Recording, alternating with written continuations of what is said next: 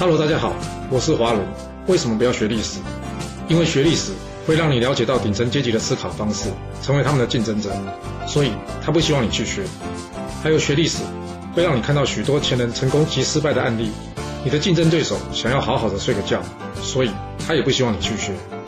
最重要的是，学历史会让你了解人性，你的老板以及同事都希望你保持天真的心，所以他们更不希望你去学。就是因为这些原因，接下来我要跟你说的是故事，而不是历史。今天的主题是不要为了眼前的利益而忘了自己的目标。我们上次不是有说这个春秋时期晋文公的故事吗？这故事中有说到，晋文公听了这元帅的建议啊，准备先攻魏，再攻曹，最后与这楚国决一死战啊。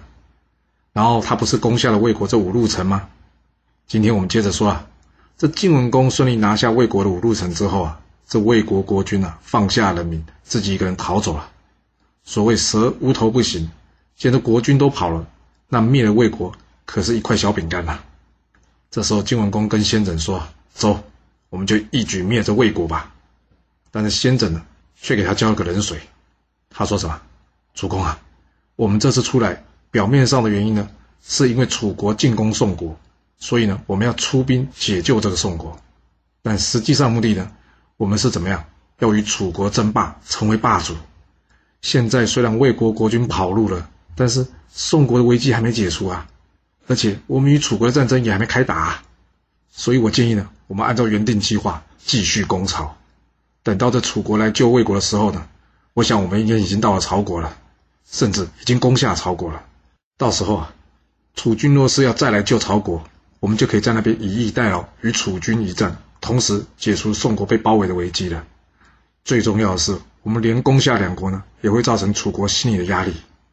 晋文公听完之后说：“嗯，好，就按照你的规划进行吧。”打个岔，你觉得晋文公真的是这种贪图眼前利益的人吗？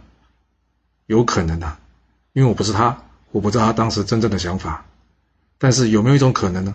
其实这是他对先轸的一种测试，毕竟先轸是刚刚被提拔成为元帅嘛，他想要知道这先轸是不是为了眼前的小利而忘了自己的目标的人，因为这次的作战目标是先轸与前一任元帅细胡所制定的，要是先轸会因为这场小小胜利而就忘了之前与元帅的计划，那这个人还要重用他吗？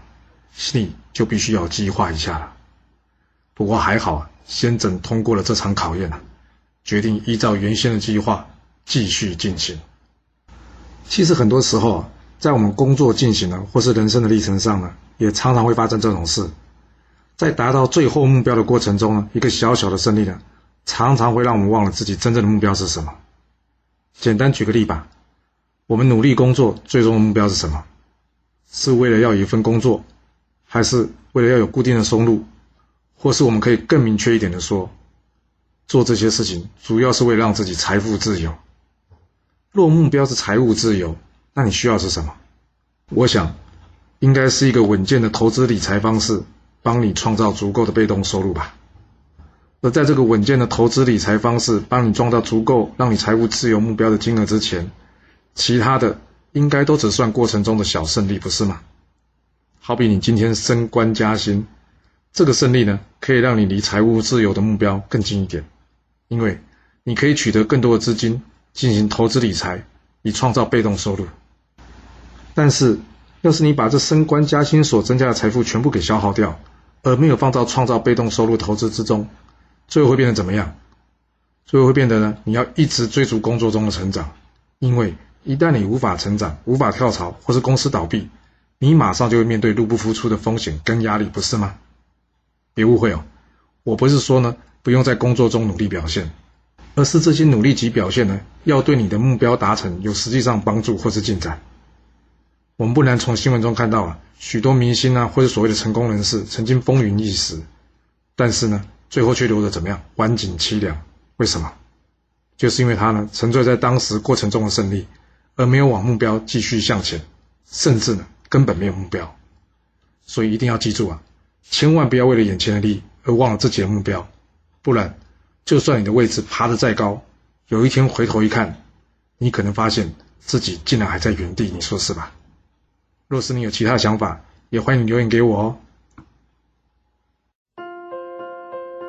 好了，我们今天先说到这。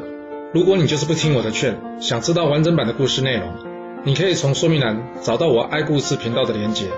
不过记住哦，你是来听故事的，而不是来学历史的。要是您喜欢这个频道，麻烦您动动您的手指，追踪、留言，或是给我五星评价的支持以及分享。谢谢您来收听，我们下次再见。